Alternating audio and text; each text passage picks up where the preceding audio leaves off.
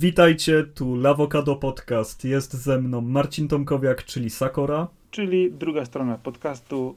Ze mną jest Arkadiusz Ogończyk, czyli Kaskad. Witajcie, e, przypominamy, jesteśmy z lawokado.pl, żeby to było wyraźnie zaznaczone i nagrywamy dzisiaj odcinek o tytule Przygodówki pełne przygód. Czy dobrze to powiedziałem, Marcin? Myślę, że tak, jak ustaliliśmy w końcu tytuł, po faktycznie żonglowaniu, słow, odmienianiu słowo przygodówka, przygodówka z przygodówką, bez przygodówki będą sobie przygodówki, ustaliliśmy, że tytuł będzie taki, a nie inny. W każdym razie chodzi o to, żeby trochę przekrojowo potraktować temat tego, czym są gry przygodowe, jak przygodówki point and click ewoluowały, w jakie gatunki, czym się zmieniają, no i od jakiego momentu tak naprawdę możemy używać tego terminu. Myślę, że żeby to zrobić, najłatwiej jest zacząć od początku. Same przygodówki pierwsze, moim zdaniem, to zaczęły się już dawno, dawno temu, w latach 70. przy grach tekstowych, paragrafówkach, które notabene były no, opowiadaniem historii y, przez y, różnego typu interakcje z graczem na zasadzie idź, weź, zrób, przesuń, powiedz i wpisywało się to zwykle tekstowo, otrzymując później w odpowiedzi kolejną informację na temat rozwoju wydarzeń. Jasne, jest to jeden z najprostszych y, rodzajów gier tego typu, które można przenieść także E, na inne media, tak jak były e, książki paragrafowe, gdzie można było czytać je w różnej kolejności, zależnie od tego, e, jaki wybór chcemy podjąć za bohaterów. A propos książek paragrafowych, to tutaj na naszym rynku też się okazywały w latach 90. szczególnie Wojownik Autostrad bodajże był cały cykl wehikuł czasu, teraz mamy komiksy paragrafowe, więc gdzieś to ciągle żyje. Ale sama gra w sobie, która miała zbiór komend, najczęściej E, idź po, nie wiem, przełóż, e, przesuń i tak dalej, w formie graficznej pojawiła się dopiero ładnych, ładnych parę lat później. Wtedy dopiero można mówić o tym typowym point czyli o przygodówce, o którą nam właściwie chodzi, bo jeżeli na przykład zapytałbyś moją córkę, czym jest gra przygodowa, to otrzymałbyś odpowiedź mniej więcej coś e, około Mini Ninjas i Lego City Undercover, czyli notabene gry, gdzie przeżywa się przygody, ale nie są to przygodówki w sensie point and click. Ale dokładnie tak trochę było na początku branży, kiedy e, rządziły gry, które były tak grami do szpiku kości, że się biło rekordy, był licznik e, punktowy, cały czas była akcja w grach, czy to był Pac-Man, Galaga, czy, czy cokolwiek pomiędzy. E, to były takie gry, gry, które były na automatach, a wszystko inne, gdzie była już jakaś postać, która gdzieś idzie, nieważne czy ona strzelała, biła się, no może poza karateką kultowym, to to już była bardziej gra przygodowa, zwiedzanie jakiegoś świata i stąd jakby ewoluowały i pęczniały w różne kierunki, no, no całe gałęzie gier. Zdecydowanie, ale musisz też wiedzieć o tym, jeżeli zwrócisz uwagę na starsze przygodówki, one też miały punktację za konkretne czynności, działania podejmowane, dostawało się też punkty, które później przykładały się na jakieś odblokowania dodatkowych rzeczy, ale punktacja była obecna nawet w przygodówkach, co teraz jest dziwne. No brzmi to bardzo dziwnie, chociaż no, no faktycznie to było kiedyś tak związane po prostu z grami, że trzeba zdobywać punkty, że e, no w latach pionierskich e, twórcy nie wyobrażali sobie pozbycia się tego elementu. Tak było przynajmniej no, w większości przypadków. E, w latach no, 80., 70., no trudno mi teraz określić e, konkretnie moment, kiedy to porzucono. Oj, późno, późno. Jeszcze w latach 90. były gry, które korzystały cały czas z tej punktacji, ale może skupmy się na tym, czym jest właściwie ta przygodówka. Mówimy o grze, która tak naprawdę pozwala nam rozwiązać pewne przygody, rozwiązać problemy, opowiada nam historię, pozwala zwiedzić świat, wcielić się w pewien postać, charakter i zbierać i wchodzić w interakcję z różnymi obiektami. No przede wszystkim jest to gra, w której tempo nie jest tak ważne jak zwiedzanie kolejnych miejsc, czy też poznawanie kolejnych postaci. I najczęściej jest to związane z nabywaniem przedmiotów, które pozwalają posunąć akcję dalej. E, może to czasem ewoluować w takie gatunki skrajne jak hopa, czyli Hidden Objects, y, gdzie po prostu klikamy po ekranie szukając czegoś y, zagubionego, albo Visual Novel, gdzie tak naprawdę y, tylko, tylko czytamy dialogi, wybierając różne linie dla samego faktu prowadzenia fabuły po swojemu, a czasami są to gry pełne wszystkiego naraz, jak Monkey Island, gdzie chodzimy, poznajemy ludzi, e, szukamy przedmiotów, posuwamy fabułę dalej do przodu i jednocześnie też klikamy po ekranie jak dzicy, żeby coś odblokować. Ale te gry mają też to do siebie, szczególnie te dwa gatunki, które wymieniłeś, Visual Novel i Hopa. Yy, Hopa, dokładnie, że to są gry, które cały czas się w tej chwili ukazują. Hopy, hopy mają swoją drugą młodość, powiedziałbym w tej chwili, które wyszły z takich małych, śmiesznych gierek, które były, były robione przez takich deweloperów w kategorii B i C często. Ale to była świetna, bardzo chłodna nisza. To, to była nisza, w którą bardzo często Mam nadzieję, że nikt tego nie odbierze e, źle, ale właśnie do kobiet trafiały te gry bardzo często. One bardzo lubiły właśnie spędzać w ten sposób, gdzie te gry takie u, dla chłopaków, hurdur, chodzisz i strzelasz, były zupełnie nieatrakcyjne. To jednak sama, sama interakcja z medium w ten sposób była dla nich bardzo przystępna. Bardzo, bardzo często ten segment e, był zajmowany właśnie przez e, audiencję złożoną głównie z kobiet i to często starszych pan, które właśnie albo siadały do gier typowo logicznych, albo do hopa. Ale w tej chwili hopy są dosyć prężnie e, rozwijającym się gatunkiem. Na przykładzie Artifex Mundi, który po prostu gier produkuje mnóstwo i nadal się gra w nie przyjemnie i nawet najwięksi wyjadacze hardkorowi strzelanek grają w te gry z przyjemnością i nikt się z tym nie kryje w tej chwili. Bo to są gry dla dla każdego. Ja tylko mówię, jaka była większość widowni na początku, ale ogólnie one od zawsze ja są. właśnie mówię w kwestii raczej ewolucji tego tytułu, który w, z, takiej, z takiej e, e, niszy dla emerytek, za przeproszeniem, wyszedł no, do ludzi, którzy grają no, w każdym wieku praktycznie. No przecież hopy są na konsolach, kto by pomyślał w ogóle. No hej, ale hopy są fajne, są przyjemne, to jest zwarta historia, dużo, dużo klikania, szybkie, szybkie achievementy, no sama przyjemność z grania. No te achievementy to naprawdę na Xboxie przyciągają tłumy. Jeżeli komuś w ogóle chodzi o achievementy, dla mnie akurat one są jeszcze tylko dodatkiem do gry, a nie samym, samym core grania, chociaż znam osoby, które grają tylko dlatego, żeby wbijać kolejne punkciki, platynki, aciki i co tam jeszcze może być. No bywa i tak, ja uwielbiam to plump na Xboxie, ale trofiki na PlayStation zupełnie, zupełnie nie mają tego czegoś akurat. Ale wracając do naszych pojedynklików, bo za chwilę pojedziemy w zupełnie in, inny temat, yy, czyli mechanizmów gier, to jest bardzo, to jest kolejny temat rzeka, czyli w, w jaki sposób wyciągnąć gracza lub oszukać gracza, ale to na inny moment. To jest domena Amerykanów chyba, oni na dobre producenci z tamtego kraju na dobre rozwinęli rynek i tutaj patrzę głównie w kierunku właśnie Maniac Mansion i Monkey Island. Dla mnie to są e, filary e, całego gatunku i pewnie to jest dosyć popowe spojrzenie, ale, ale no dla mnie cały czas to są gry kluczowe. Patrząc na takie e, wyznaczniki niejako lat 80., no to mówimy, możemy spojrzeć ogólnie na Sierra Online jako wydawcę, twórcę i LucasArts. I to są po prostu tytani, a szczególnie LucasArts dla mnie to jest yy, wydawca kilku tak fantastycznych tytułów, gdzie notabene jeden z nich jest w ogóle moim ulubionym, chociaż yy, przez większość graczy może niedocenianym, ale patrząc z innej strony na historię jeszcze wcześniej, to cały cykl King's Quest, który też rozwijał się od lat 80. od prostych bardzo gier, a skończył no, w trójwymiarze. W, bardzo fajny jest powrót King's Questa, jeżeli o to chodzi. Gra wydana w epizodach. E, chyba dwa albo trzy lata temu zaczęła debiutować. Według mnie King's Quest, ten nowy jest niemal równie dobry jak, jak te stare. Bo głównym korem właśnie y, grania w przygodówki jest ta historia opowiadana i sposób wciągania nas w nią. A z drugiej strony, kiedy patrzę na te starsze tytuły, to zawsze mam przed oczami yy, zagadki logiczne, które były nielogiczne, typu jeżeli chcesz do, e, wyciągnąć z podwójka fotel, to musisz najpierw e, znaleźć puch, który przytkniesz mu do nosa, aby on psiknął i wstał, bo jak się zasmarkał, będzie musiał poszukać chusteczki, dopiero wtedy wyjdzie z pomieszczenia, ale żeby zdobyć puch, musisz najpierw upiec, nie wiem, trzy dinozaury i znaleźć dwa samochody i dopiero jak to połączysz razem, to uda ci się dopaść tą jedną kurę, która akurat w tej chwili ma najlepsze pióra, tak? No to już była klasyka gatunku, no niestety trudno jest e, stworzyć tego typu grę całkowicie na takich e, mocno logicznych rozwiązaniach, ponieważ no, no wtedy robi się za łatwa, wtedy się zmienia w visual novel tak naprawdę i jakiś moment abstrakcyjny według mnie jest tylko plusem point and clicków. Ale, ale w tych grach właśnie poszło to momentami uważam za daleko do takiego poziomu abstrakcji, że autentycznie bez solucji w ręce nie dało się po prostu połączyć, nie wiem, banana, kartki papieru, noża i kupy błota. Oczywiście, na to chorował nawet Broken Sword, który jest no, jednym z lepszych przedstawicieli gatunku.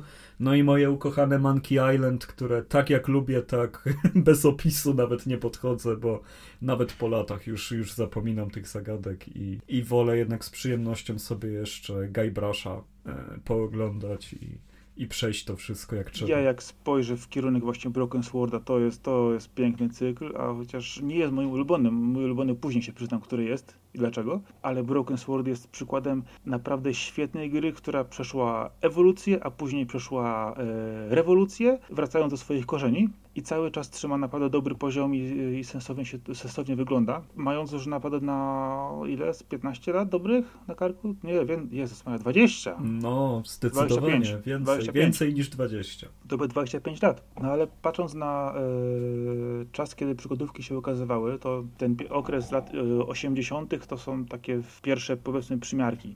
To jest ten czas właśnie, kiedy pojawiają się e, King's Questy, kiedy LucasArts powoli coraz bardziej po prostu wchodzi w to, jest właśnie Maniac Mansion wspominane i po tym już w miarę klaruje się ten gatunek, pojedyn klika, lata 90 do 2000 mniej więcej, czyli to czas dla mnie, gdzie przygodówki po prostu wchodzą na sam szczyt, po czym z niego spadają dosyć, dosyć drastycznie. Na jakim sprzęcie grałeś wtedy w te przygodówki? Ja jednak najczęściej grałem na PC, bo większość z tych gier była dla mnie y, najbardziej mi się podobała, podobała ta platforma przede wszystkim i dużo gier, szczególnie które pojawiało się w erze CD-ROMu, który był bardzo istotnym elementem rozwoju przygodówek, była właśnie na PC.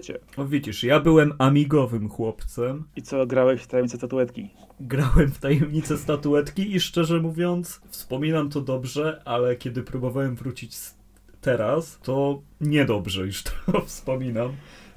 Nie no, trzeba przyznać, że interfejsy przygodówek przeszły bardzo duży rozwój, że od takiego bardzo no, ubogiego, topornego, nieprzyjemnego interfejsu e, tak naprawdę zarówno poruszanie się po środowisku, jak i poruszanie się po interfejsie, po, twoim, e, po twoich zasobach, twoim plecaku, to jest kluczowa kwestia w tych grach w tym momencie i jeżeli ona jest zrobiona płynnie, do tego dochodzi historia, no to wtedy wszystko jest w porządku. Wtedy ja jestem na tak. Zdecydowanie się z tym zgadzam, bo do, ja ostatnio spojrzałem na to trochę z perspektywy czasu. Komendy, o których mówiliśmy na początku w grach tekstowych, które później weźmy na razie przykład Indiana Jonesa cyklu, e, na przykład Fate of Atlantis, pojawiły się w takiej polu, gdzie było ich dziewięć, było give, pick up, use, open, talk to, push, close, look at i pull. No to było definitywnie niewygodne. Tak, ale zwróć uwagę na to, że przygodówki to są pierwsze gry, które ewoluowały do grania interfejsu kontekstowego, gdzie bezpośrednio te point and clicks y, ograniczył się do dwóch, a często już tylko do jednego klawisza myszki, który w zależnie od miejsca y, lub momentu gry pozwalał na dokonanie wybranej jednej okay. lub kilku czynności. Jest to ciekawe spostrzeżenie i zgadzam się z tobą, chociaż uważam, że w przygodówkach ten ruch był tak logiczny, że musiał nadejść, a w grach akcji, czy też e, grach typu właśnie Legend of Zelda, która to zrobiła e, tak genialnie, e, no to to było jakby trochę trudniejsze do zaadoptowania. Tam,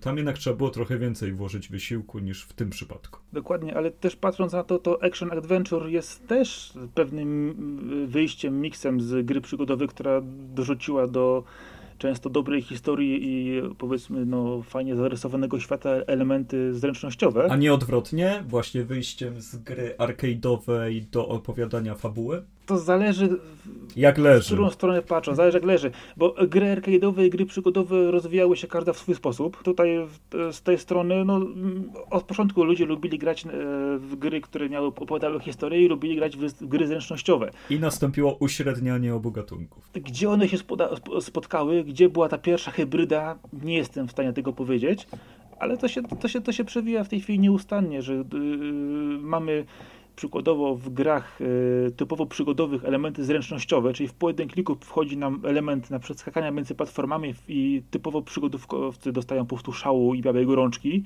Dlaczego ja tu muszę robić coś na czas albo uważać w jaki sposób kliknę, żeby mi przeskoczył. A z drugiej strony, jeżeli mamy gry typowo zręcznościowe i ktoś nagle zarysowuje tam y, epicką historię, która nijak się ma do strzelania na ekranie, to też powoduje zgrzyt, że mm, ja w ogóle tego nie słucham, co oni do mnie mówią, tylko strzelam, bo o to mi chodzi. No a znaleźć miks dobrej gry pomiędzy tym, oj, ciężko. Ciężko, a właśnie mi weszło do głowy to, że można takim miksem jednym z pierwszych nazwać Another World, chyba że się nie zgodzisz. Zgodzę się jak najbardziej. Chociaż ten czas właśnie lat 80., połowy lat wczesnych 90. to był też okres dosyć dużego eksperymentowania ze samym sposobem prowadzenia rozgrywki w grze. Zanim to się wszystko wyklarowało, to w, pojawiały się pomysły na sposób na grę które często były dobre, ale niepowtarzalne też. I to właśnie myślę, że było ważne, bo na przykład e, Flashback, na, teoretycznie następca Nody World, pomijam drugą część, która jest to spotykana, już był raczej platformówką ze strzelaniem, ale miał też historię. Oczywiście. Ale no z takich najważniejszych gier z tamtych lat, czy też już prawie z tamtych lat, no to chyba Myst by trzeba było wymienić. Myst, tak, Myst jest przede wszystkim sposobem, innym sposobem do podejścia. Myśmy y, widzieliśmy to z oczu bohatera. Mieliśmy lokację w pełnej 360 stopni, gdzie po prostu poruszaliśmy się od miejsca do miejsca i przeszukiwaliśmy to wszystko w zasięgu wzroku. Pierwszy symulator chodzenia, chcesz to powiedzieć? Unikałbym tego symulatora chodzenia, bo jednak te współczesne symulatory chodzenia są trochę inne. Myślę, że, że, że do, dojdziemy sobie do nich, ale podobnie y, gry mikroidców, które były w tym czasie robione później, no, trochę później, te, które rozgrywały się w Egipcie czy, czy w innych miejscach, też korzystały z tego samego y, sposobu poruszania się, czyli od miejsca do miejsca, pełne 360 stopni, wyszukiwanie, łączenie, kombinowanie i pójście dalej. Ale tutaj, jeżeli spojrzysz na Mysta, to ja y, poszedłbym w Journeyman Project, który to jest gra, której nie znam, musisz mi o niej opowiedzieć. To jest gra, która opowiada, mówiąc w skrócie, o podróżach w czasie, agencji, która się tym zajmuje i poruszaniu się pomiędzy różnymi epokami e, w celu rozwiązania zagadek, znalezienia jakiejś osoby, bądź też zmieniania biegu historii, którą ktoś popsuł. I gra jest bardzo fajnie opowiedzianą e, historią. O, pierwszy rzut oka jest taki, taki momentami naprawdę hard science fiction, mocno, mocno zarysowany, fajny główny bohater w takim e, bardzo grubym, takim pseudokosmicznym kombinezonie, który pozwala mu poruszać się w czasie. I historia, która momentami, momentami jest zabawna, momentami jest e, bardzo taka przejmująca ale cały cykl to są w sumie trzy części tego. Bardzo dobrze, bardzo dobrze jest wspominany, myślę, a najlepszym dowodem jest tego, że pierwsza część e, w reedycji, e, czyli Pegasus Prime, ukazał się parę lat temu w odnowionej wersji i bardzo fajnie to wyglądało. Jest na kogu ta gra przykładowo i to jest właśnie ten feeling tych gier, który czasami ciężko prze przekazać, e, bo grało się w to z jednej strony jak taką opowieść science fiction, walki między różnymi osobami, agencjami, ale też takimi elementami typowymi dla e, podróży w czasie, czyli ktoś zrobił coś wcześniej, ktoś zrobił coś później, jakie są tego konsekwencje. Dla dzisiejszego odbiorcy będzie to atrakcyjne? Jeżeli przymkniesz troszkę oko na rozdzielczość e, w starszych tytułach, to jak najbardziej. Nie było, nie był to trudny, e, interfejs sterowania nie był trudny, zagadki momentami były wymagające, ale dużo e, fajnych sekwencji e, wideo, szczególnie w tej wersji Pegasus Prime, która była odświeżona, to dobrze wygląda. Do, do współczesnego odbiorcy myślę, że ktoś chciałby dobrą przygodę, taką filmową, jak najbardziej. A warto też dodać, że akurat w Pegasus Prime była, e, jest obecny element zręcznościowy z lataniem. Na szczęście można go spokojnie wyłączyć i sobie tylko obejrzeć przelot. Nie trzeba się trudzić w lawirowanie między różnymi E, dziwnymi elementami w kosmosie czy, czy w tunelach. Bardzo Ale miła sytuacja. Zwłaszcza na tamte lata. Na nie, na teraz.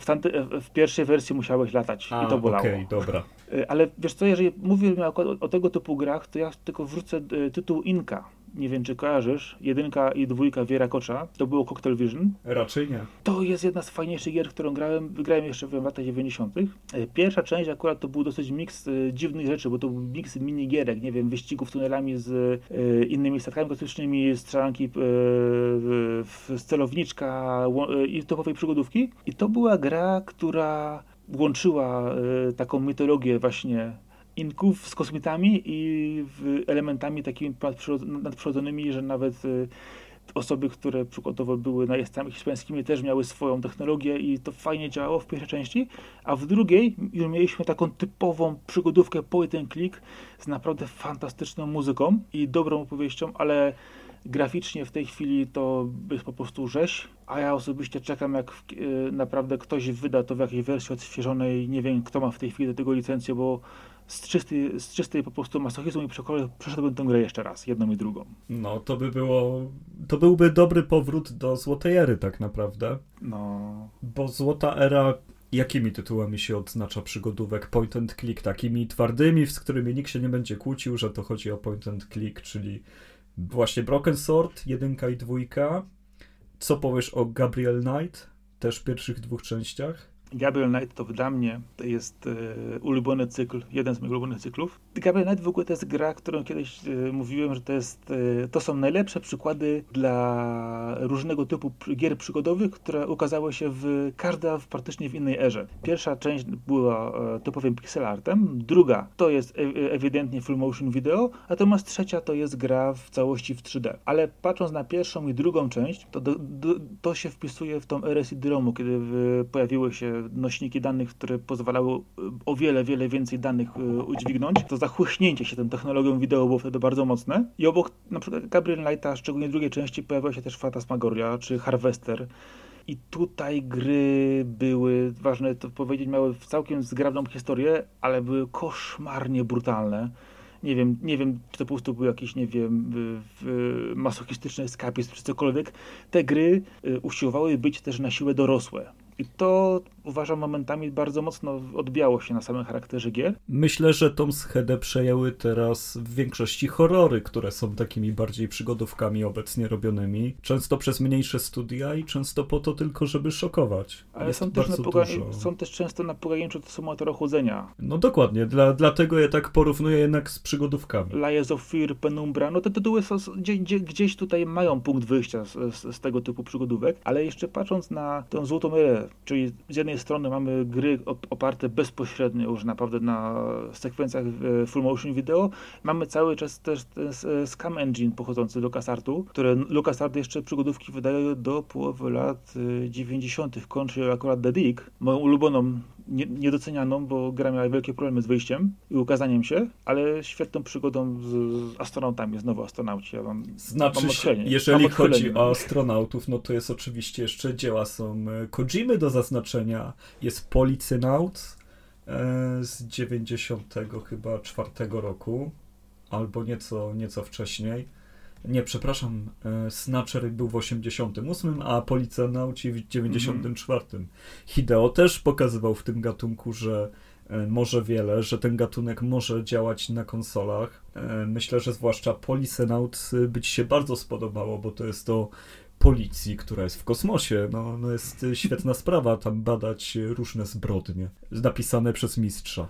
A jak są w kosmosie, mają Gandamy? Nie mają Gandamów, ale jest bardzo dużo motywów, które, które są high-techowe, a Snatcher opowiada w ogóle o e, robotach, które zabijają ludzi, żeby zedrzeć ich skórę i się pod nich podszywać i potem musisz śledzić. coś w tym jest, coś to w jest tym jest. robotem, Dobra, zainteresowałeś. Jest, więc zainteresowałeś. E, Kojima zawsze miał świetne pomysły i jak, czego by nie mówić o tym, jak one mu na końcu wychodziły, to myślę, że w takich grach przygodowych typowo on by się mógł świetnie popisać. Woli oczywiście duże budżety i dużą pompę, ale gdyby jeszcze na chwilę wrócił i powiedział, że dobra, teraz robimy visual novel albo coś w tym stylu, to myślę, że świat by wybuchł i chciałby czytać te jego tysiąc stron dialogów i rozmów i, i scenariusza. No, coś, co, co, coś w tym jest, myślę, że przy, przy, przy, dobrej gadce to by się sprzedało i ludzie by pewnie wrócili do standardowych najprostszych przygodówek tekstowych. No na pewno on ma tą moc, że mógłby zwrócić znowu uwagę mainstreamu na, na ten gatunek. Mógłby, mógłby. Ale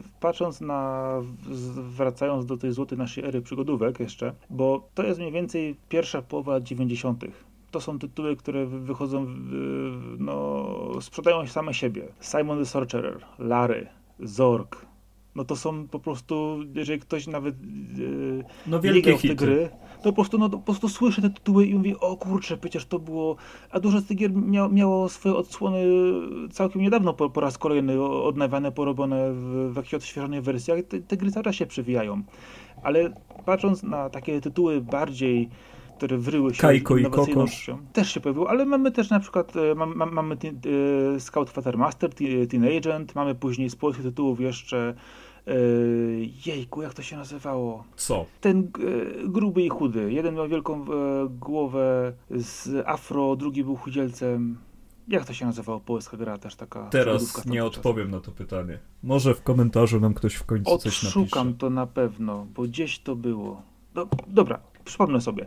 Ale spójrz na to, że e, pojawiały się też później tytuły, które do dzisiaj spędzają sens powiek, na przykład Blade Runner, Oj, tak. jest, jest nieodżałowany strasznie, gdyż e, z tego słyszałem zaginął oryginalny kod, dlatego nie ma co myśleć o remasterze, chociaż pojawił się w tej chwili wreszcie skam e, działający z tą wersją a ja mam płytki, więc podejrzewam, że w końcu się do tego uśmiechnę, bo mam, mam, mam w domu Blade a grałem w tą grę no ładnych parę lat temu i to skończyłem chyba z dwa albo trzy razy, bo fajnym elementem tej gry przede wszystkim było to, że z jednej strony była filmowa, miała, była bardzo mocno osadzona w tym uniwersum, E, można było spotkać, spotkać Descartesa w, jednym momencie, tylko w jednym momencie gry, czyli oryginalnego Harrisona Forda, ale to, kto był replikantem, było losowe. I to było takie trochę odejście od tych standardowych gier, które wtedy ciągnęły wszystkich po szynach, od punktu A do punktu B. Tutaj naprawdę nie można było być pewnym rozwiązania. I to było dosyć, do, do, dosyć odkrywcze wtedy w tego typu grach. I będąc przy odkrywczych grach, warto jeszcze wspomnieć o Neverhood,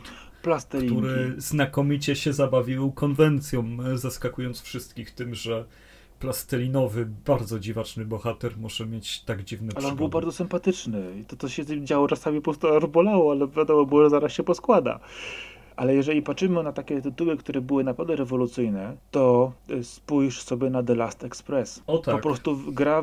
Bardzo dobra gra. Gra, sama historia jest niesamowita, ale właśnie to się nazywało rotoskopia, tak? Bodajże tak było to nagrywane. Czy jakoś ta technologia, która nagrywała prawdziwych aktorów, później ich przekładała na e, animowane postacie. To wy tak wyglądało tak to niesamowicie.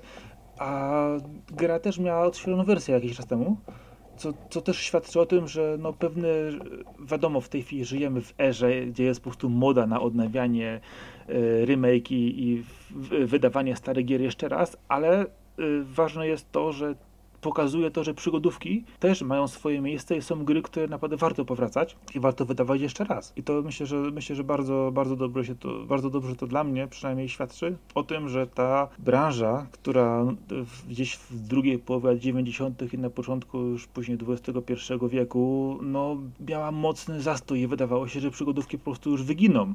Pomimo tego, że pokazywało się pojedyncze... Ale ten zastój był spowodowany głównie zachłyśnięciem się trójwymiarem. Bardzo mocno to wchodziło. Który jest teraz standardem, ale w 3D też kilka właśnie tych przygodówek wyszło. Monkey Island 4, co, co myślisz o tej grze? Wiesz co, nie, Monkey Island jakoś mi nie podchodziło. Za, za, bardzo, za bardzo było ono udziwnione tymi bananami i małpami, które mnie po prostu w pewnym momencie zaczęły denerwować. Ja uciekałem wtedy w stronę raczej tych przygodówek, które bardziej e, wchodziły w trochę w realizm. No, wspomniany wcześniej nasz Gabriel Knight też miał część trójwymiarową, która w tej chwili wygląda no strasznie, bo to był ten czas, kiedy wszyscy wchodzili w trójwymiar i było o, ale fajnie, można iść wszędzie, zrobić wszystko. Gra wygląda obecnie koszmarnie, chociaż był projekt, który miał podnieść mu tekstury i, i, i wyprostować modele, ale gdzieś tam zginął w, w, międzyczasie. Ale sam właśnie opowiadanie historii było dalej kosmiczne i chodzi o to, że ja wolałem te przygodówki, y, gdzie lepiej było użyć ten kompas, znaleźć e, tajemniczą statuetkę ukrytą za obrazem i ewentualnie e, spróbować, nie wiem, wygonić gościa z recepcji przy pomocy na przykład, nie wiem, pożarów kuchni, niż właśnie łączeniu tych, e, no, nie pasujących do siebie pozornie elementów. No wiesz, każdemu jego przygodówka. Ale patrząc na, na to, to przygodówek jednak było dosyć, dosyć, dosyć, dużo wtedy jeszcze i one cały czas krążyły sobie w, w trybie właśnie tego, no, jedno, tym, jedno, jedno, jednowymiarowości, świecie, jednowymiarowości cały czas. Jesteśmy już w świecie, w którym wyszła pierwsza część Resident Evil i myślę, że ona dała tak duży impas do tego, jak ten gatunek może wyglądać, albo w którą stronę po prostu się przenosi, e, że, że no myślę, że, że to był taki sygnał, że jednak dobra, gry, żeby się podobały masowemu odbiorcy, muszą mieć akcję, muszą mieć napięcie, muszą mieć zbieranie przedmiotów. I ten pierwszy Resident Evil chyba to zrobił w taki sposób najlepszy, mimo iż no uznaje, nie uznajemy go za pierwszy horror w 3D. Alone in the Dark. Dokładnie, ale Resident Evil jest pierwszym, który to zrobił na taką skalę i z taką jakością, żeby być wyznacznikiem dla innych, odnieść masowy sukces i... Tutaj właśnie wchodzimy w tę ewolucję tych gier, które, które się trochę rozjeżdżają na różne gatunki, przenoszą pewne mechaniki. Po prostu chcę zaznaczyć, że nie mamy się co dziwić, że przygodówki przestały, za, zaczęły zanikać, w momencie, kiedy można było postawić obok siebie przygodówkę i Resident Evil pierwsze, to wtedy był kosmos. Tak naprawdę dla każdego, kto patrzył z boku, czy to był wielki fan, czy nie gatunku. Ale mieliśmy też w tym czasie Syberię, mieliśmy Longest Journey, mieliśmy tytuły, które dzisiaj uznawane są za jedne z lepszych, na przykład też cykl Runaway, yy, które były naprawdę... Longest Journey Uwielbiam. Świetna gra, bardzo marzycielska. I to są tytuły, które naprawdę dobrze, dobrze się zapisały, pomimo tego, że w tym czasie było tych gier niewiele, ale jakością były całkiem dobre. Chociaż w drugim obiegu wydaje mi się też e, cały czas istniały te przygodówki, może mniej popularne, ale cały, cały czas gdzieś, gdzieś nie, nie przebijały się do, do mainstreamu. W Polsce była bardzo popularna Hokus Pokus Różowa Pantera. Bardzo lubię tę Tak, zgadzam się, fajna rzecz, ale problemem przygodówek, dlaczego te przygodówki tak też zniknęły trochę z mainstreamu, było to, że w latach 90. pod koniec one były bardzo mocno utrudniane. To było to wyjście z, wyjście z Take-Two przykładowo, które wypuszczały gry FMV i poszło w tak momentami hardkorowe poziomy trudności, że normalny odbiorca, który nawet chciał przeżyć fajną przygodę, no odbijał się od tego koszmarnie. Weźmy sobie grę, którą ja uwielbiam, Black Dahlia, która właśnie jest full motion video, jest niesamowitą przygodą dziejącą się w Stanach w latach 40., gdzie mamy i nazistów, i zabójstwo e, Black Dali, i mamy pierwszego seryjnego mordercę, i e, agenta z jednej z agencji właśnie e, amerykańskich, który próbuje to wszystko połączyć w całość i idziemy z nim w podróż długą przez wiele, wiele lat, to jak on się zmienia, jak zmienia się ten świat, też w, piętno wojny, które się w nim pojawia, jest niesamowicie dobrą historią, która w środku ma po prostu takie zakalce, że po prostu aż boli. Y, gdzie zdaje się, że momentami nie mieli, twórcy chyba chcieli tak zrobić ukłon w stronę z jednej strony tych starych przygodówek, y, które wszyscy lubią sobie klikać i jakichś takich gier bardziej y, rozwijających się, nie wiem, w stronę w odkrywania świata i mieliśmy po prostu koszmarną sekwencję po prostu przebijania się przez kanały w środku gry, która no, zabijała wszystko. Kanały w grach zawsze są złe, naprawdę. Ale z drugiej strony mieliśmy tak ciężkie, hardkorowe po prostu zagadki, które powodowały, że po otwarciu na przykład worka, z, woreczka w grze z, z czymś, co w nim tak hałasowało. Okazywało się, dostawaliśmy układankę chyba z 80 części trójwymiarową na, na kuli, która po prostu powodowała, że po prostu mózg ci odparowywał w tym momencie. Brzmi jak zabawa. E, tak, no. było to fajne, było to fajne, naprawdę dobrze, że to się rozwijało, szczególnie to, że kiedy siedziałeś tym, z tym głównym agentem w biurze, otwierałeś kolejne akta, zdobywałeś kolejne rzeczy, wyjeżdżałeś w kolejne lokacje, to historia była niesamowicie pasjonująca. Tam, to jest też ten czas, kiedy zaczęli pojawiać się w grach aktorzy hollywoodzki. Hollywood. Tam jedną z ról grał Dennis Hopper, więc to też nie jest takie hop To rzeczywiście była gra, która była jedną z najlepszych tego typu, no i problem w tym, że była ja też jedną z ostatnich w tamtym okresie gier full motion video, ale Black Dahlia dla mnie to jest gra epoki jedna z najgenialniejszych pomimo bugów i, i, i baboli, które miała. Historia jest tak piękna, tak rewelacyjna, że kiedy po prostu dochodzisz do końca, po prostu przeżywasz ją w całości z bohaterem i to się mieści też w tej definicji, które były się na początku, że to musi być opowieść, to musi być ta przygoda, którą czujesz i ta gra spełnia to absolutnie w całkowitość, całkowicie. Oczywiście, no bez przygody nie ma przygodówki. No tak. E, tylko teraz tak naprawdę e, kwestią jest to, że, że nagle te przygodówki przeskoczyły w zupełnie inny model. No może nie nagle, ale tak naprawdę powrót do nich, znowu ukazanie się ich na, na piedestale, no to jest dopiero The Walking Dead, który był już całkowitym takim e, wywróceniem idei. Tak, ale w międzyczasie pojawiło się kilka tytułów, na przykład jak e, e, Black Mirror, pierwsza, druga, trzecia część, E, pojawiała się cały czas e, kolejna część Red Runaway, e, Whispered World. Tu musisz też spojrzeć na gry, które typu Deponia. To dziś cały czas jest i to się powoli przebija z powrotem dopiero. Ale z drugiej strony masz też Fahrenheita w 2005 roku, Indigo Prophecy, który wszedł z przygodówką no, autentycznie mocno w trzeci wymiar. Myślę, że Fahrenheit faktycznie był takim pierwszym prawdziwym wejściem w trzeci wymiar klasycznej przygodówki i świetnie rozwiązał swój interfejs, nieliniowość, reżyserię.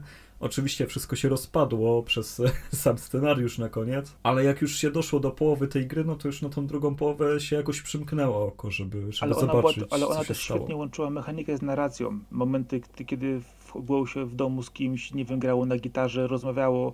Proste czynności, które się dobrze łączyły. No nie no, bądźmy szczerzy. Początek, w którym najpierw jako morderca ukrywasz ciało, a potem jako policjant szukasz śladów mordercy. Rozwala imersję. No, no jest naprawdę genialnym pomysłem i, i czego by nie mówić o Davidzie Cage'u, Karze, czy, czy jak go chcemy nazywać, to zrobił dobrze. To zrobił dobrze, to, to mu muszę oddać, że pierwsze godziny Fahrenheita są super, o reszcie jego gier, no to już niestety trudno mi to powiedzieć. Ale wtedy rozwalił system. No, ale tutaj jeszcze bym dorzucił jedną rzecz, która wtedy się pojawiały gry typu właśnie jeszcze typowe przygodówki. Overclocked, Belief and Betrayal, yy, czy nawet Powód do przyszłości, może trochę już później, też w 3D, ale te gry cały raz są obecne, ale one kompletnie zeszły z głównego planu. Ja w tym czasie po prostu szukałem tych gier, jak trafiałem na jakąś, to nawet jeżeli była e, średnia, to dawała niesamowitą przyjemność, bo to była typowa przygodówka i to gdzieś tam zginęło do czasu właśnie, kiedy te gry, tak mówić, wróciły z The Walking Dead, ale znowu to jest przygodówka nietypowa, bo e, jest to rozwinięcie autentycznie dla mnie visual novel z tekstówką, gdzie dostałeś ładne obrazki. No, ale na pewno dużym e, takim powiewem świeżości było to, że w The Walking Dead nie mogłeś się zaciąć. Zawsze trzeba było podjąć decyzję, która czy jest dobra, czy zła, pcha akcję do przodu. E, było to zdecydowanie takim fajnym zastrzykiem, przynajmniej w tych pierwszych dwóch, trzech epizodach. Dla mnie The Walking Dead tak jak było świeże, to tak już w pierwszym sezonie było widać, że już nic więcej z tego nie będzie. I, i przykro mi, ale nie dziwię się, że Telltale skończył jak skończył, bo, no bo te gry miały to, to w sobie, że one miały szokować śmiercią postaci i ta śmierć miała ciągle nadchodzić albo porażkami, z którymi trzeba żyć, trzeba ciągnąć fabułę dalej i to było bardzo proste, kiedy nie lubiłeś jakiejś postaci sprawić, żeby ona za chwilę umarła. I to, i to się robiło e, zabawne i miało zupełnie odwrotny e, wydźwięk niż chyba autorzy zamierzali. Przynajmniej ja w to grałem w ten sposób, trochę psując grę. Chociaż ta mechanika na początku działała dosyć dobrze, bo wydawało nam się, że rzeczywiście mamy wpływ na główne decyzje fabularne i rozwoju, natomiast później okazało się, że tak naprawdę ta gra nas trochę oszukuje, że ta część wyborów jest pozorna i to było takie denerwujące, że przeszedłem y, szczególnie pierwszą całą y, część, te, te, tam było 5 epizodów bodajże, tak, e, w całości. Potem poszedłem jeszcze je drugi raz. To też jest ciekawe, grając przeciwko sobie, czyli dokonując wyborów, które normalnie bym nie wykonał, gdyż tutaj ta gra miała to też do siebie, że e, grając w nią, wcielając się w bohatera, podejmowaliśmy wybory zgodne z naszym charakterem i tam to dosyć mocno się to udzielało, ale specjalnie podejmowałem wybory inne. Często bardzo niewygodne. Mówię, nie, nie chcę nawet tego robić, ale muszę to zrobić, bo chcę zobaczyć, jak, jaki będzie inny wynik. I okazywało się, że te wszystkie ścieżki wracały do tego samego miejsca i e, w momentach kluczowych różniły się tego zwłokami zwłokami innej osoby, leżącej przykładowo przy drodze no, i to było takie, Bo tak no, naprawdę tam były dwie ścieżki, a nie dwadzieścia, jaka była iluzja, a na końcu i tak się splatały w tych samych punktach, ale iluzja była bardzo dobra, przynajmniej na tyle, żeby osoby casualowo grające w takie gry zadziwić. To przy, pierwszych, przy pierwszych właśnie tych grach to było bardzo, to był efekt wow. I człowiek się bał, o rety, ale jak ja, ja mu zrobię krzywdę, ja tak nie mogę, ale, ale ja chcę przeżyć, ale no, było dużo wątpliwości. Z tym, że wtedy jeszcze myślałeś, trzeba tyle czekać na drugi epizod, bo oni biorą pod uwagę te moje wszystkie wybory. A to się okazywało, że oni biorą pod uwagę, żeby chociaż 15 klatek animacji się trzymało i, i żeby cokolwiek zrobić z tymi teksturami. Ja The Walking Dead akurat zrobiłem tak, że poszedłem pierwszy epizod, po czym rzuciłem to wszystko i poczekałem na całość. W cudzysłowie prawidłowa wersja była taka, że te gry się tyle czekało na kolejny epizod, ponieważ autorzy prawdopodobnie biorą pod uwagę twoje wybory gdzieś tam z samego początku i to się tak rozbudowuje, jest takie wspaniałe, a na końcu no wyszedł dym i lustra, jak przy zakończeniu Mass Effect słynnym e, trzeciej części czy też Life is Strange. No, no ogólnie bardzo trudno jest e, zachować e, tą wolność wyboru u gracza, kiedy, kiedy go mamisz tym wyborem, a na końcu się okazuje, że on jest nieważny, wtedy jest ogromny zawód. Wtedy jest ogromny zawód. No to przygodówki właśnie miały, miały to do siebie, że ciągnęły tę historię. Wydawało się, że to jest coś, co rzeczywiście gracza zaabsorbuje, a na końcu było takie mech, nie, to nieładnie to zrobiliście. Dlatego cenię sobie gry, które mają bardzo dużo zakończeń i naprawdę można do nich dojść na dużo sposobów. Chyba ostatnią taką było Katrin, o której teraz, teraz mogę sobie pomyśleć. Ale to trudno nazwać typową przygodą. No nie, to taka układanka, no chociaż nie typowa. W połowie układanka, a w połowie paragrafówka, przygodówka. Visual, no, w sumie no, takie... to, co się dzieje w grze, w scenariuszu, jest poza tą układanką. To jest taka jedna, jedna, z, jedna z gier hy- hybryd przygotówkowych, który, których no, trochę, trochę się ukazało. O, interesująca, ale patrząc na ten czas właśnie, czyli pierwszą dekadę XXI wieku, no i trochę dalej, to powraca też pixel art. I tutaj, tutaj uważam, że to są gry, które wracają do korzeni, które dają naprawdę takiego kopa, kopa przygodówkowego, że ojeju aż boli. I patrząc na to, na przykład Watchet Eye Games dla mnie w tej chwili jest numer jeden, jeżeli chodzi o typu tytuły. Czyli na przykład cykl Blackwell. Nie grałem. Ojej. Musisz mi opowiedzieć. Powiem ci tak, fantastyczny. Y, to jest właśnie y, obok Gabriel Knighta, Black Dali i Black, cykl Blackwell to właśnie jest moja święta trójca, jeżeli chodzi o przygodówki. To jest... No to spore wyróżnienie. Tak, y, i powiem ci, że cykl Blackwell to jest w sumie pięć części, chociaż druga część jest trochę poza, poza nim, ale to zaraz. To opowiada o pozornie e, prostą historię kobiety, która ma na imię Rose Angela, dobrze pamiętam, która okazuje się być medium. Spotyka ducha, który zginął w czasach prohibicji, wygląda na gangstera w ogóle z innej epoki i z początku wygląda to dosyć prostą historię. Po, pomaga. No, gdyby była medium, które nie spotyka duchów, to byłaby słabym medium. To jest u niej w rodzinie. W drugiej części pojawia się historia jej ciotki, która jest w pierwszej części wspomniana która też notabene była e, związana z tym samym duchem, ale chodzi o to, jak ta historia się rozwija. To jest typowy pixel art, fajnie zrobiony, trochę się różnią stylistycznie między sobą kolejne części, ale rozwiązujesz sprawy związane z e, duchami i duszami, które są tutaj uwięzione w naszej, naszej ziemi, e, nie mogą odejść i ty je jeden po drugim odsyłasz, ale okazuje się, że tam jest coś więcej, że jest jeszcze, są duchy czy byty, które zdecydowanie Y, mocniej wchodzą tutaj w interakcje, które mają swoje cele, nie tylko związane z, z życiem czy śmiercią, ale z przejęciem y, zupełnie inny, innych celów. Nie chcę po prostu psuć tutaj tej przygody, bo to, dlaczego te pewne rzeczy się dzieją, jest właśnie clue te, tego. Ale to całość jest w pixelarcie, Całość tak? jest w pixelarcie, jest w ogóle świetnie udźwiękowana, bajecznie zanimowana i jest jedną z najbardziej dramatycznych cyklów gier, jakie grałem. Emocje, które tam y, odchodzą. Y, to, w jaki sposób rozwiązujesz pewne sprawy, odsuwasz duchy i problemy, które się z tego rodzą, jest to typowa przygodówka. Autentycznie. Masz przedmioty, które musisz połączyć, użyć w odpowiednim miejscu, pogadać z ludźmi. Y, masz też fajną sprawę, gdyż wyszukujesz na przykład informacje w internecie też związane z twoją sprawą i masz ducha, który za tobą podąża, czyli masz dodatkową drugą mechanikę, którą możesz wykorzystać na przykład do szpiegowania czy przenoszenia pewnych przedmiotów, dodatkowych interakcji ale ładunek emocjonalny tej historii i konsekwencje, które się, się rodzą bezpośrednio z historii i tego, czym jest obciążona ta nasza główna bohaterka, to w ostatniej piątej części, czyli Blackwell Epiphany, po prostu na końcu powodują po prostu, że wrzeszczysz do monitora i mówisz, to nie może być tak, ja tak nie chcę, weźcie to, nie.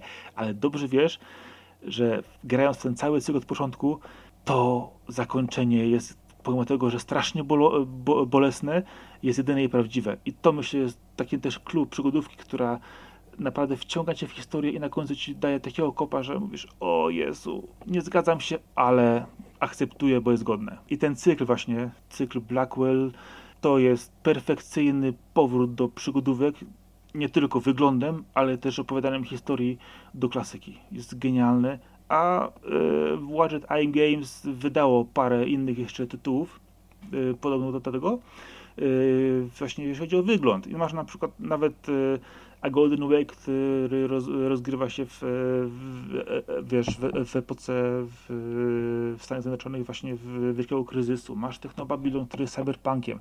Masz Shardlight, który dzieje się gdzieś w przyszłości e, postapokaliptycznej. Ale myślę, że słyszałeś na przykład o Resonance albo o Primordi. Tak, No oczywiście. to dokładnie to jest ten sam wydawca, ten sam twórca, ta trzyosobowa ekipa, która współpracuje z różnymi innymi e, twórcami gier i tworzy tego typu rzeczy.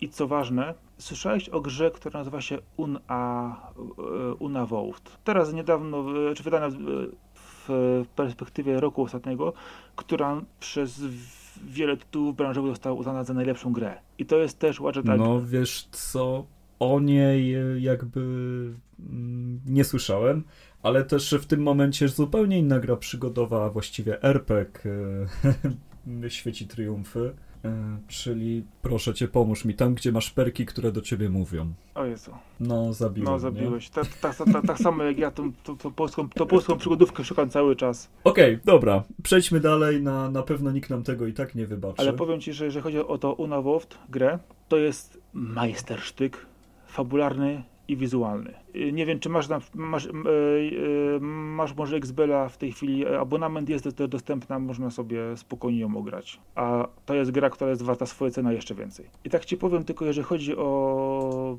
cykl Blackwell, to ja nie jestem osobą, która robi preordery. Ale, Ale przy Blackwell Epiphany zrobiłem preorder i po prostu czekałem po prostu na fotelu, jak mi tylko to odblokują i dadzą. To jest pierwsza, Serio? naprawdę, to jest tak potężnie zaawansowana fabularnie gra i, hi, historią, opowieścią, że po prostu zabijała po prostu wszystko w tym czasie. I tutaj Blackwell, jeżeli chcesz przygodówkę w starym stylu, w, w pięknym wydaniu, absorbującą bierz w ciemno. Wiesz co, dla mnie złota, złota era przygodówek to były jednak trochę inne gry, zwłaszcza na konsole przenośne. O. Nie wiem, co tu, tu myślisz. Wiesz co, tak, chociaż jeszcze do złotej ery to... Yy warto wspomnieć też na przykład o Full Throttle czy Grim Fandango, które notabene gry, które kończyły tą epokę. I tutaj jeszcze... No, no klasyki, za, zakończy, które kończyły epokę, no to jest chyba bardzo dobre określenie, bo to już był i rozpad studia, i zakończenie pewnego typu gier, wejście zupełnie nowych gatunków na piedestał, czy też no, rozwój bardzo gier akcji z narracją, które już całkowicie zabrały kilka typowych gatunków i mieszały w sobie po prostu różne rzeczy naraz.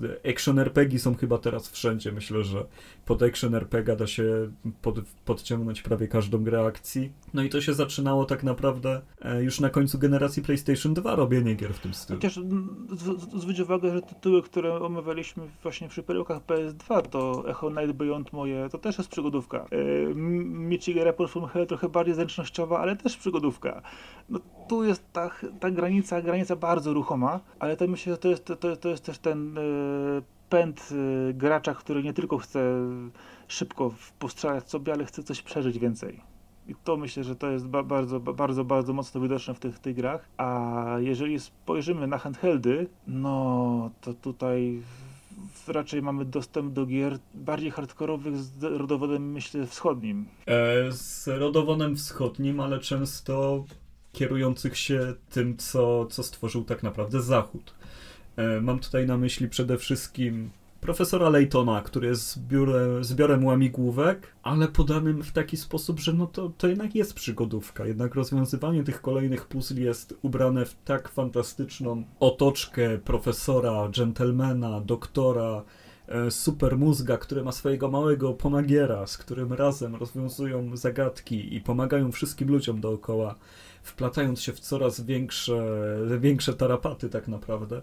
Świetna rzecz, bo e, dzięki drugiemu ekranowi DS-a, dzięki temu, że powstała konsolka w tym samym czasie co iPhone, która miała dotykowy ekran i, i można było używając stylusa w ten sposób sterować, w ten sposób rozwiązywać łamigłówki, to przebiło wszystko. Nie liczyła się moc przerobowa, nie, nie liczyło się to, czy te gry wyglądają zacofanie, czy nie, tylko to, co w nich robisz. To samo było z cyklem Ace Attorney E, bycie adwokatem, prowadzenie rozpraw w sądzie. No, to było genialne. No, rozmawiasz cały czas z kimś, wy, wyszukujesz miejsc, w których się pomylił, w których możesz przedstawić jakiś dowód, Wcześniej zbierasz te dowody, tak samo szukasz świadków, rozmawiasz z nimi, przepytujesz, przesłuchania prowadzisz, pojawiają się kolejne postaci. Niesamowicie dobrze spędzam czas przy Ace Attorney. Właśnie ogrywam sobie trylogię ponownie, tym razem na PlayStation 4 w tej wersji HD. Już dwie części skończyłem. Myślę, że, że tą trzecią do końca roku też, też dokończę. I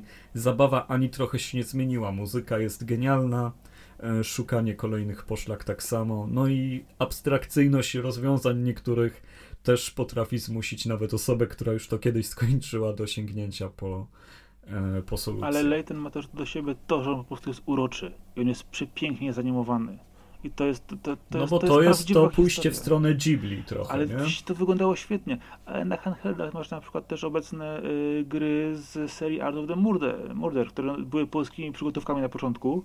Bardzo fajnie zrobionymi też w tym okresie, gdzie ciężko było do przygotówki ale one poszły w stronę hopy. Oczywiście, poza tym, jeżeli chodzi o duchy, które często się pojawiają w tego typu grach, no to jest Ghost Trick, który genialnie wykorzystuje ekran dotykowy, gdzie jesteś duchem, który nagle budzi się koło ciała, nie wie o co chodzi i ten duch uznaje, że faktycznie przed chwilą chyba umarł i, i widzi swoje własne ciało i starasz się pomagać, rozwiązywać łamigłówki w taki sposób, że do osób, które żyją w świecie materialnym, docierasz przesuwając przedmioty, dając im wskazówki, tak żeby te osoby doszły, doszły do rozwiązania pewnych spraw. Możesz też widzieć to, co się działo przed morderstwami na chwilę. E, no, no grasz duchem, który ma wpływ na, na przedmioty materialne. Jest to świetna sprawa. Już na starcie DS-a był Another World, y, gra o dziewczynie, która jedzie na wyspę, bo dostała list i musi tam wszystko zbadać, też spotyka ducha, przesuwasz puzzle na, na tym ekranie dotykowym, przesuwasz różne elementy, rozmawiasz z ludźmi. Genialna konsola do takich gier, naprawdę. Znaczy DS w ogóle, DS i 3DS to jest dla mnie po prostu ukochany handheld, po prostu którego się ni, ni, nijak Jeszcze pozbyć. Hotel Dusk, Ojej. gdzie trzeba było trzymać konsolkę jak książkę w ogóle. No, no tam były tak genialne rozwiązania, e, że aż e, trudno sobie wyobrazić, że era handheldów się skończyła, podczas gdy one oferowały tak zupełnie inne doznania związane Ale patrząc z tej strony, to też e, gry typu Attack of the Friday Mo- Monsters, czyli w sumie przy, przygodówka w 3D, gdzie biegasz sobie po mieście, rozmawiasz z ludźmi, zbierasz tam sobie popi- popierdółki do grania w karty, a jednocześnie rozwiązujesz niesamowitą historię osadzoną w Japonii w latach 70. z wielkimi e, potworami i, i Ta gra wygląda tak słodko, że się nie da wytrzymać. jest, jest świetna Jest i historia wybitna. po prostu, z jednej strony masz, czujesz tą nostalgię po prostu, gdzie każdy e, ma jakąś grę osadzoną w przyszłości z nastolatkami albo dziećmi, po prostu czuje gdzieś tam w sobie ten kawałek dziecka. I jeszcze do tego dorzucisz te wielkie, wielkie potwory i kosmitów i, i niesamowitą historię, która trzyma się kupy. Nie jest długa, bo przejście jej w całości to na spokojnie zajmuje tam, nie wiem, z 3 godziny, ale po prostu feeling opowieści i tego powrotu do, do lat dzieciństwa jest, jest niesamowicie pięknie opowiedziany. I to jest też, to, to jest też siła, siła tej gry na tym handheldzie, że zabierasz ją ze sobą i po prostu sobie, nie wiem, jadąc komunikacją miejską, po prostu, wiesz, czujesz się jak w domu. No siedzisz i kminisz Tak, po prostu. bardzo dobrze Co tu dalej zrobić? Ale naprawdę no jest jeszcze tyle gier. Jest na przykład Time Hollow. E, nie wiem, czy słyszałeś o takim tytule. Robił e, ją człowiek, który projektował praktycznie, pracował przy wszystkich Suikodenach. E, Jest, jest to gra, w której ma, masz chłopaka, który ma magiczny długopis, którym może sobie narysować okrąg i zajrzeć w przeszłość, co się działo w danym miejscu.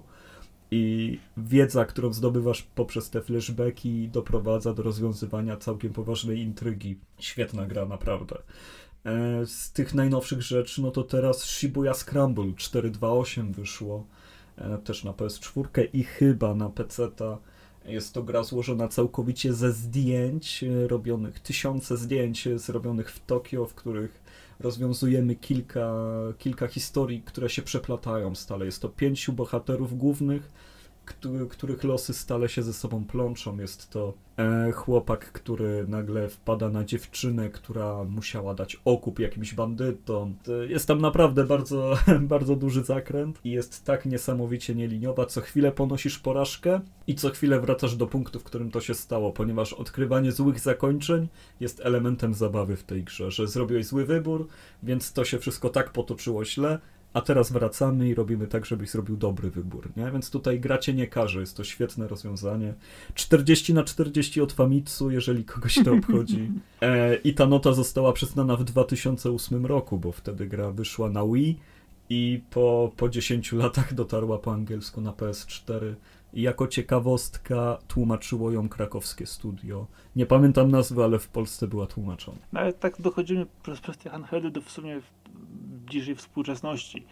Po, oczywiście pomijamy mnóstwo, mnóstwo tytułów, mnóstwo gier, ja sobie zdaję z tego sprawę, że każdy może rzucić przynajmniej 20 do, każde, do, do każdej takiej epoki tytułów, ale no ciężko omówić je wszystkie i opowiedzieć. Ale współcześnie e, przygodówki uważam wracają powolutku, coraz mocniej. Pomijam. Tak, także dzięki Steamowi, gdzie Visual Novel jest y, prawdziwą kopalnią Visual Novel, jeżeli chodzi o Steam, no to możesz odnaleźć codziennie jakiś tytuł, który jest na 2-3 godzinki zupełnie fanowski i nagle się okaże, że jest twoją ulubioną grą życia, o której nikt inny nie wie. Ale Myślę, ca, że łatwo ca, na ca, Cały wpaść. czas ukazują się tam przygodówki nawet trochę mniejsze, bardzo klasyczne, na przykład, nie wiem, Edna i Harvey cykl, czy rzeczy po prostu bardzo do, nich podobne i to cały czas gdzieś tam, się, gdzieś tam się rozwija. Są to rzeczy mocno zakopane w każdym razie. One istnieją, ale trzeba dużo włożyć tak, w to, ale gdybyś na przykład spojrzał sobie na te tytu tytuły, to na przykład Anna's Quest to jest gra, która myślę, że bardziej się przybiła do świadomości ludzi. Przepiękna opowieść w ogóle. Yy, nie wiem, czy grałeś. Ja nie jestem fanem tej gry, więc wolę milczeć. Ja, ja, ja rozumiem, ale, ale musisz przyznać, że, że nie wiem, czy skończyłeś ją, czy nie. Nie okej, okay, to nie będę ci mówić, bo właśnie o, o, to chodzi, że jeżeli dochodzi do zakończenia, to zaczynasz pewne rzeczy rozumieć i ta gra się otwiera w inny sposób. Bardzo możliwe, ale tutaj droga jest zbyt kręta, kręta że tak powiem. No. Ale tak patrząc na, na, na, to, to w tej chwili przygodówki idą, idą w zupełnie, w zupełnie in, inną stronę. Dosłownie idą w rzeczami... Dosłownie, dosłownie idą, idą, tak. I i widzimy jak chodzą, tylko widzimy dwie ręce. Walking Simulatory. Ja jestem fanem Firewatcha akurat, jeżeli I, o to ja chodzi. Też i, i, i, sporo, I sporo innych mógłbym tutaj jeszcze przytoczyć właśnie tego, tego typu, bo y, ukazało się ich trochę. Właśnie z innymi mam problem, a Firewatch jakoś bardzo mi wjechał dzięki temu, że rozpoczyna się taką paragrafówką typowo tekstową, która e, bardzo dobrze wprowadza cię w postać, a potem już chodzisz po tym świecie, zwiedzasz go, jest przepięknie wykonany, możesz znaleźć żółwia. Dla mnie geniusz. Jeżeli znaczy, chodzi o to, że, że jest potem perspektywa tego, że faktycznie czujesz, że tam jest jakaś większa intryga, która okazuje się, że tak naprawdę jej nie ma. E, wiele osób się zawiodło tym, e, tak samo jak e, tym, jak się zakończa nasza znajomość z panią, z którą przez radio cały czas gadamy, ale uważam, że cała przygoda jest po prostu przeurocza i wzorem jest. Ale to jest, to, to jest przykład gry właśnie, gdzie droga jest ważna. To jest, to, to jest gra, gdzie opowiadacie historię, która zwodzi cię w pewnym momencie, ale ona jednak właśnie jest, jest tą historią, ona cię po, pozwala ją przeżyć, opowiedzieć i, i z drugiej strony nie, nie, nie każda, nie, nie, nie każda historia musi być o czymś wielkim.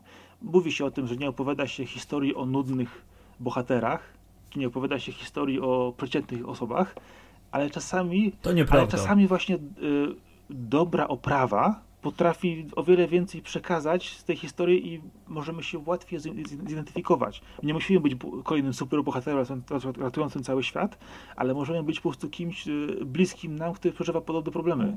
I to też bardzo, bardzo dobrze Dla działa. mnie te kilka momentów, kiedy bardzo się wkręciłem e, w tę przygodę, kiedy się bardzo zaskoczyłem miło, kiedy bardzo, kiedy poczułem takie napięcie, dały mi o wiele więcej wspomnień niż typowe gry, które chcą zbudować takie napięcie albo prowadzą do czegoś wielkiego, bo ja bardzo dużo małych scen pamiętam z Firewatcha, a jest dużo gier ogromnych, z których pamiętam ledwo kilka ujęć migawek. To jest też to, to co pokazuje, czy, czy gra naprawdę nie, że jest wielka, ale czy jest dobra, jeżeli ona potrafi zasiać w nas po prostu takie, tak, takie ziarno pamięci.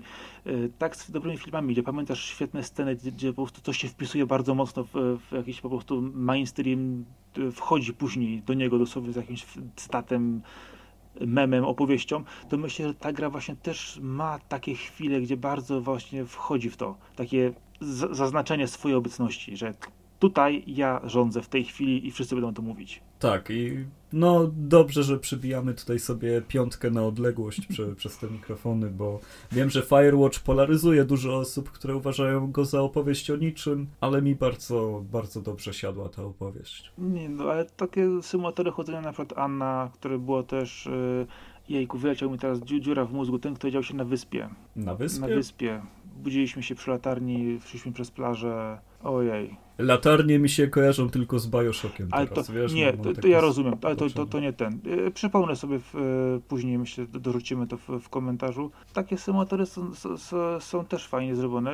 Jedne są bardzo Przypomniałem sobie grę, o której chciałem mówić przez to, że ma tak abstrakcyjny tytuł. Disco Elysium oczywiście wcześniej wspomniałem. A ja sobie przypomniałem tam, gdzie perki z A ja sobie przypomniałem, jak się ta polska przygodówka nazywała. Wacki. Wacki, kosmiczna tak, przygoda. dokładnie. Widzisz? Że ja na to nie wpadłem. Ja... Jest no, późno. wysoki, chudy i drugi gruby w afro. Niski. Ale tak każdy wygląda. No. Wszystkich możesz tak opisać. No, w sumie tak. No i ten maluch oczywiście musiał być tam obecny. Bardzo, bardzo przyjemna gra. Więc jaka przyszłość czeka nasz może nie ukochany gatunek, ale jeden z ukochanych gatunków. Zależy, czy, czy, czy pójdziemy w gry typu Kona i Amnezja, y, czy pójdziemy w zupełnie inny strun, kierunek, jakim jest Life is Strange. A z drugiej strony mamy też odgrzewanie, akurat zły przykład, Syberia 3, legendarnego tytułu, bo czwórkę już zapowiedziano. Mamy odnowienie na przykład Gabriel Knighta na 20-lecie, było parę lat temu. Ogólnie dzieje Ogólnie się. się dzieje, dlatego, dlatego no, gdzieś to ruszyło bardziej. Po takiej dekadzie w sumie, gdzie, gdzie, brakowało tych tytułów, gdzie pokazywały się gdzieś w tle albo zabijały serie, na przykład jak trzecia i czwarta część Broken Swordu, która poszła w, w trzeci wymiar po prostu i bolało to strasznie. O, gry zabijające serię to jest wyjątkowy gatunek, bardzo go lubię. Ale piątka, piątka już była śliczna, piątka już wróciła do, do klasycznego, była do, do, dobrze, do, dobrze, dobrze przedstawiona i to już to, to jest nadzieja. Mówisz o Broken, tak, Broken Sword, tak? dokładnie, jest, jest nadzieja. Ale miałeś też Deponię mówioną wcześniej, ale masz też gry typu w, na przykład Decoma, czy...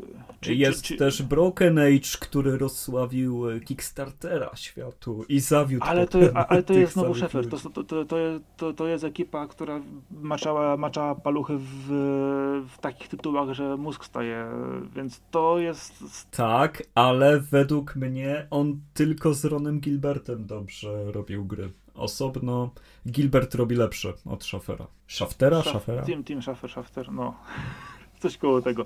Ale patrząc na to, jeżeli, jeżeli już idziemy w stronę nowoczesnych przygodówek, to mamy tytuły, które powracają z full motion video, na przykład Late Shift, yy, Shapeshifting Detective. Her Story. Bardzo mocno wchodzi. No i tu, tu, tu zaczyna się pewien rozjazd, bo mamy e, gry, które też notabene wychodziła od e, Telltale'u, czyli Minecraft Story Mode, który, uwaga, został przerobiony przez Netflixa jako film interaktywny z wyborami. I tutaj dochodzi e, Black Mirror Bandersnatch, gdzie już zacieramy w ogóle grę między mediami.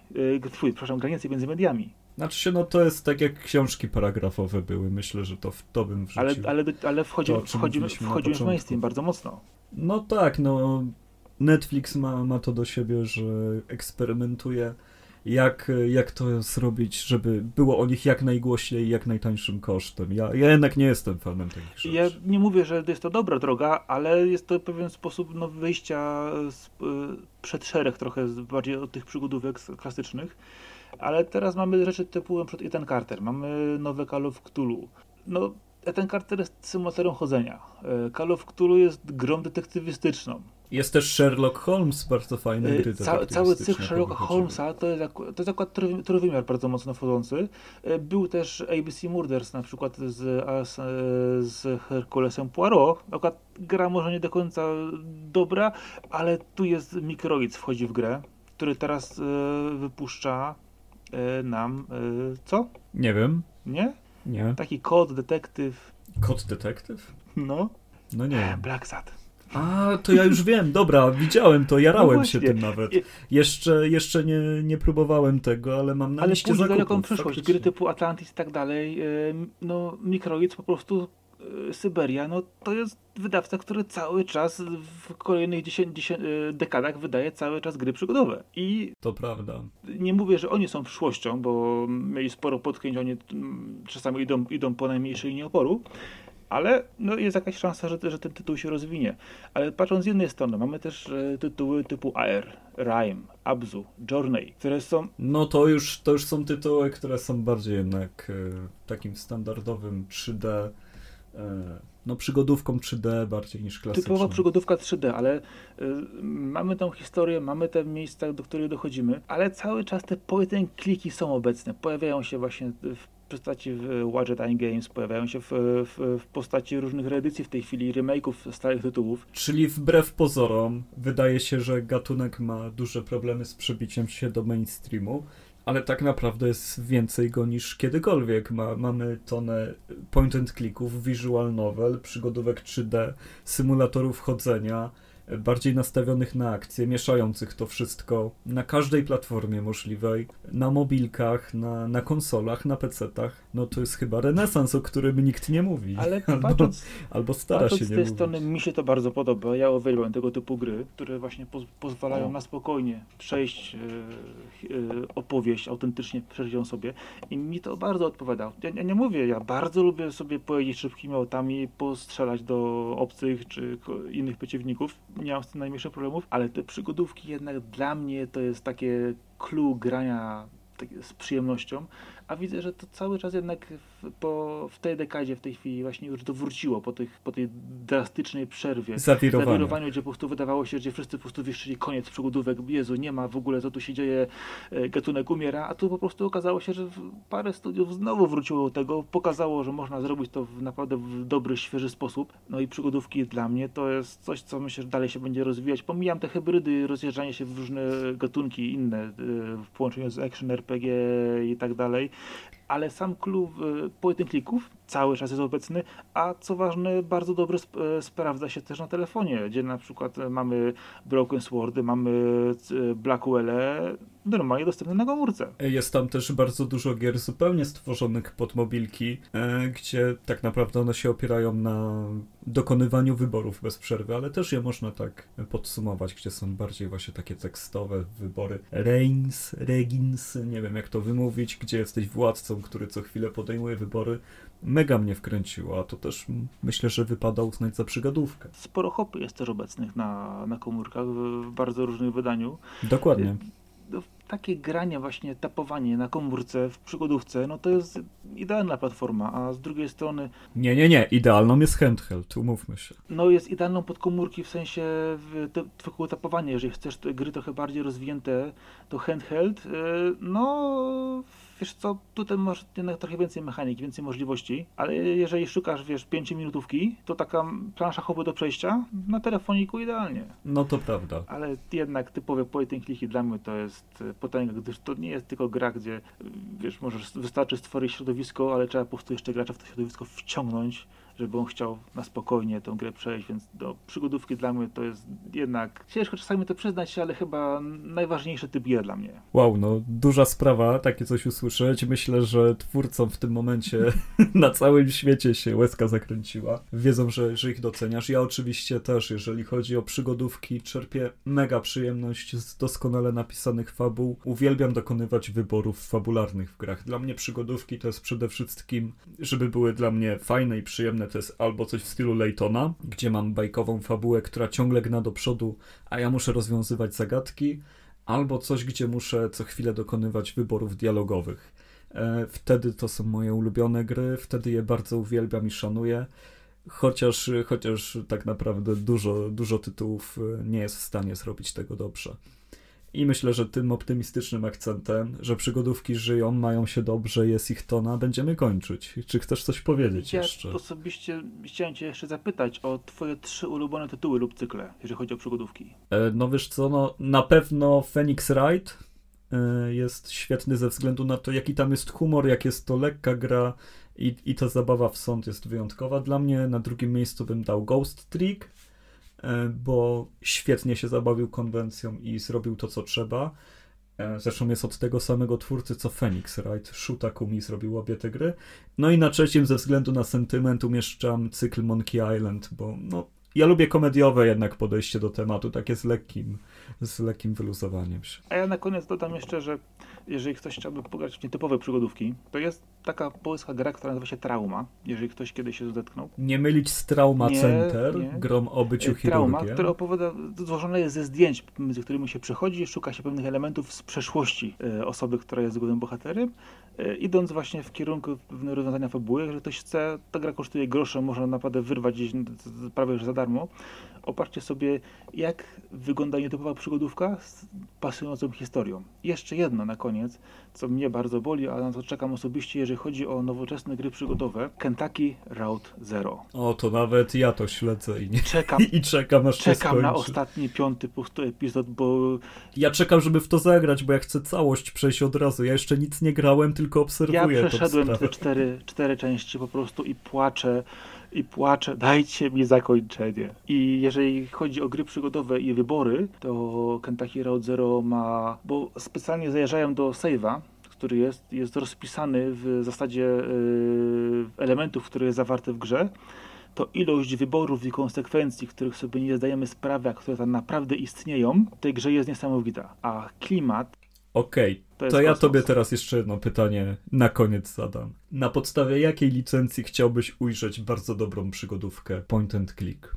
Ojej, ale myślę, że byłaby to jakaś licencja książkowa. Nie filmowa, ale książkowa. Trudno mi teraz powiedzieć, w którą stronę pójść na przykład, ale coś detektywistycznego. Ja ci powiem, że osobiście pograłbym w przygodówkę Detektyw Nie. Monk. Millennium Larsona. O, Z tego można zrobić piękny materiał. bardzo gruby, Gruby temat. temat, ale właśnie wpisuje się w te przygodówki, które mają coś do powiedzenia, które wiesz, są dramatyczne, które są y, niesamowite i tutaj gry zrobić z tego dla mnie materiał, materiał jest kosmiczny, a tematyka, która tam porusza, no Okej, to ja przejmę na chwilę mikrofon. Ja mam dwie takie licencje, które by mi się bardzo zgrywały. Jedna jest taka dosyć niszowa, Chłopaki z XX wieku.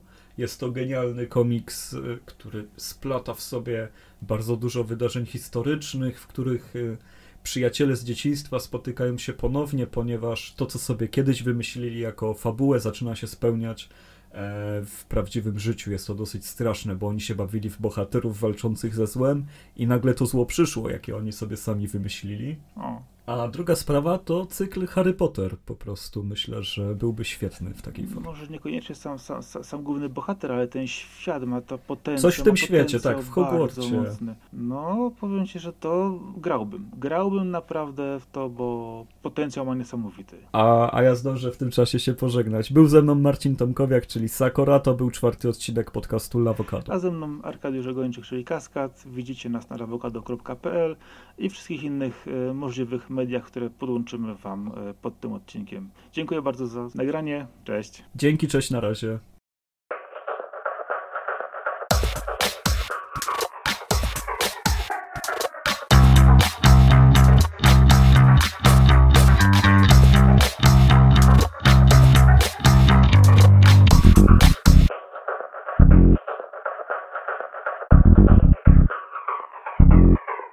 E, I, e, Ale, e, ale, e, i, e, ale, e, ale, oj, i, oj, i, ale, tak, i, ale, tak, i, ale, tak, i, ojej. Tak, dokładnie.